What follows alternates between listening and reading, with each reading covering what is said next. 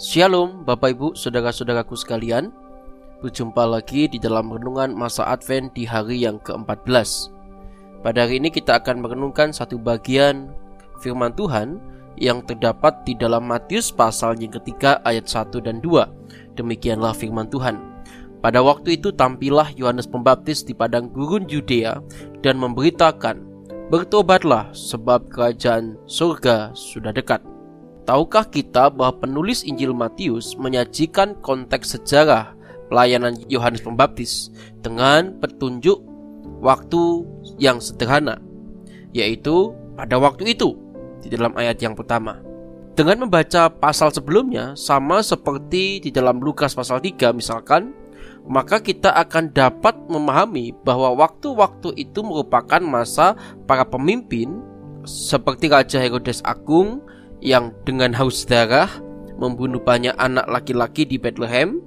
Setelah Herodes wafat dan putranya naik tahta, Yusuf tetap merasa cemas akan nasib keluarganya dan memindahkan mereka ke Nazaret supaya genaplah firman yang disampaikan oleh para nabi bahwa ia akan disebut orang Nazaret. Bapak Ibu, saudara-saudaraku yang dikasih dan mengasihi Tuhan. Injil Matius, kalau Bapak Ibu Saudara tahu, Injil ini sangat menekankan pemenuhan nubuatan janji Allah. Berulang kali Matius menekankan tentang Allah berfirman dan hal itu digenapi. Nah, ketika kita membaca di dalam Matius pasal 3, di situ tampillah Yohanes Pembaptis. Yohanes Pembaptis itu menyerupai figur Elia Bapak Ibu di dalam perjanjian lama dengan berjubahkan bulu onta, makanannya belalang dan madu hutan. Elia juga adalah seorang nabi yang melayani pada masa rezim yang kejam, yaitu Ahab, sama seperti halnya Herodes. Tega membunuh demi ambisinya. Setelah kemenangan dramatis Elia atas peran Nabi Baal, Ratu Isabel menawarkan hadiah untuk kepala Elia. Bapak Ibu, saudara-saudaraku yang dikasih Tuhan, ketika Yohanes Pembaptis berseru, "Bertobatlah, sebab kerajaan surga sudah dekat." Kalimat ini sebetulnya merupakan khotbah yang dibawakan oleh semua nabi Allah. Dan dengan oleh anugerah Allah, perkataan yang muncul di masa kegelapan ini adalah sebuah kabar baik. Akan ada pergantian pemerintahan. Pernyataan yang dikhotbahkan oleh Yohanes Pembaptis ini menjelaskan bahwa raja yang lain akan segera naik tahta. Seperti yang disampaikan Nabi Yesaya ratusan tahun sebelumnya. Berbeda dengan pemerintahan Ahab ataupun Herodes. Pemerintahan sang raja yang baru ini akan menjadi pemerintahan damai sejahtera. Bapak Ibu, saudara-saudaraku yang dikasih dan mengasihi Tuhan. Ketika kita mengikut Yesus yang adalah raja, sebetulnya itu bukan sekedar untuk kita ini mendapatkan keselamatan dari dia, tetapi melainkan juga ketika kita memutuskan untuk mengikut Yesus, maka seharusnya kita ini, hidup kita ini harus mau diubah olehnya.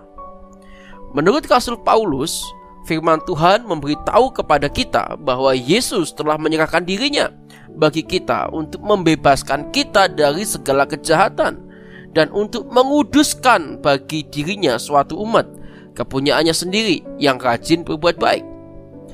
Dari sini kita tahu Bapak Ibu Saudara, cara kerja anugerah Allah yang luar biasa itu yang menyelamatkan dan menyucikan itu ketika umat Allah atau saya dan saudara berbalik dari dosa dan menyerahkan diri sepenuhnya kepada Allah. Bapak Ibu, saudara-saudaraku yang dikasih Tuhan, ketika kita sudah melihat sang anak domba itu tergantung di atas kayu salib, untuk menyelamatkan engkau dan saya.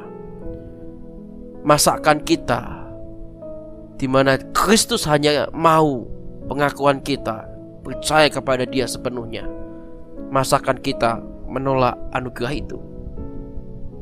Tentu saja Bapak Ibu, saudara-saudaraku yang dikasih Tuhan, kita mau belajar pada kesempatan hari ini untuk merespon panggilan itu dengan menyerahkan diri menyerahkan kehidupan kita sepenuhnya kepada Allah.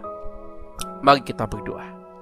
Tuhan terima kasih untuk kebenaran firman yang kami dengar pada kesempatan hari ini. Firmanmu hari ini mengingatkan kami supaya kami lebih sungguh-sungguh lagi untuk menyerahkan diri kami kepadamu. Ajar kami ya Tuhan untuk senantiasa percaya bahwa kehendakmu sajalah yang terbaik buat setiap hidup kami. Kami serahkan untuk saudara-saudara kami di mana pun mereka berada saat ini yang mendengarkan renungan ini. Mampukan kami untuk kami terus bisa bersandar, menyerahkan diri kami sepenuhnya kepadamu. Terpujilah Tuhan, demi Yesus Kristus kami berdoa. Amin. Selamat beraktivitas, Tuhan Yesus memberkati.